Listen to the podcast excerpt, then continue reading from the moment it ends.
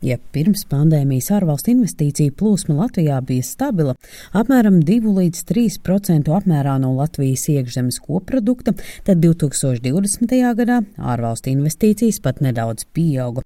Tā stāsta Latvijas bankas ekonomists Guntis Kalniņš. Šī gada pirmajā pusē ārvalstu ieguldījumu plūsma ir pat dubultojusies, kas varētu būt tā pretēja intuīcijai ko mēs redzam, ārvalstu līdzekļi turpina ieplūst plašā nozara lokā. Šo toni kopējā apjoma dēļ nosaka rūpniecība, tirdzniecība un nekustamā īpašuma nozara. Tās ir nozars, kas Latvijā vienmēr bijušas pievilcīgas ārvalstu investoriem, un arī šobrīd šo nozaru attīstība ir laba, un ārvalstu investori saskat labas perspektīvas nākotnē.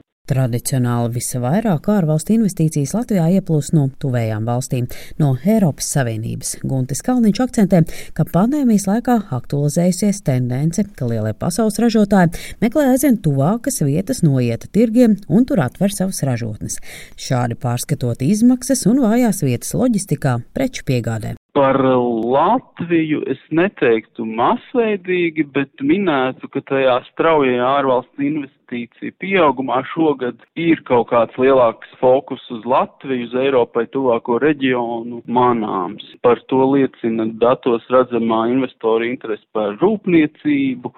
Viens no svaigākajiem piemēriem būtu šis karšer tīrīšanas iekārt ražotājs, kas veido ražotni Jelgavas novadā par interesi pieaugumu par tuvākiem reģioniem liek domāt arī tas, ka ārvalstu investīcija pieauguma tendence ir arī Baltijas kaimiņu valstīs. Jācer arī, ka vietējā finansējuma devēja saskatīs šīs iespējas arī Latvijā, kur gan atpaliekam no Baltijas kaimiņiem, un te ir liela iespēja kreditēšanā. Ārvalstu investoru padomes valdes locekle Zlata Elksniņa Zašķirinska uzsver, jo vairāk ārvalstu investīcijas ieplūdīs Latvijas reģionos, jo labāk tas ir Latvijas ekonomikai kopumā. Diemžēl ir jāsaka, ka dotajā brīdī ārvalstu investīcijām ir noteiktas koncentrācijas vietas. Protams, Rīga un Pierīga ir galvenā koncentrācijas vieta, bet tad mēs varētu, protams, runāt par Vēnspili, Liepāju, Daugavpili,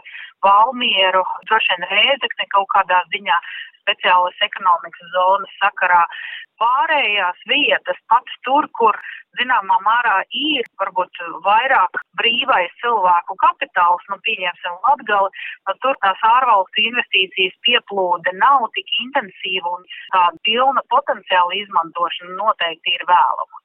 Runājot par teritoriālo reformu un tās pozitīvo ietekmi uz ārvalstu investīciju ieplūdi, Zlata Helksņa Zašķirīnska uzsver, ka reforma vairāk ir svarīga mums pašiem, lai nodokļu maksātāja nauda tiktu liederīgi izmantota.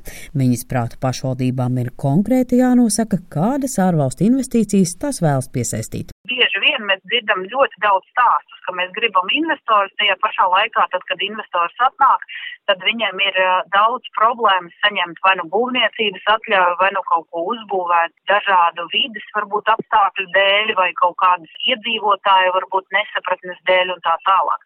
Infrastruktūra, vieta, kur cilvēki varētu pārvietoties un dzīvot, kā arī laba satiksme viennozīmīgi ir svarīgi, lai nodrošinātu papildus ārvalstu investīcijas. Latvijas pašvaldību savienības padomniece uzņēmējdarbības jomā Andra Feldmane uzsver, ka reģionos jālūkojas, lai ārvalstu investīcijas būtu ar augstu pievienoto vērtību, kā arī jāmudina pašmāju uzņēmējus paplašināt darbību. Ārvalstu tiešās investīcijas ļoti tomēr iet uz nekustamo īpašumu, uz finanšu starpniecību, kokrūpniecību, uz augstu pievienotām ārvalstu tiešām investīcijām. Es skatos ar tādu iespēju, ka nāk, teiksim, uzņēmējs un pie viņa pie šī ražošanas ceha, pie uzņēmuma tiek veidota, teiksim, inovācijas un attīstības daļa, kas dod iespēju mūsu inženieriem, mūsu zinātniekiem līdzdarboties un attīstīt kādus inovatīvus produktus, kas būtu tā intelektuālā aizsardzības platforma. Savukārt Zlata Helksnija Zašķirīnska uzsver, lai apkalpotu augstas pievienotas vērtības ražotnes, mums ir nepieciešami attiecīgo prasmju un izglītības cilvēki.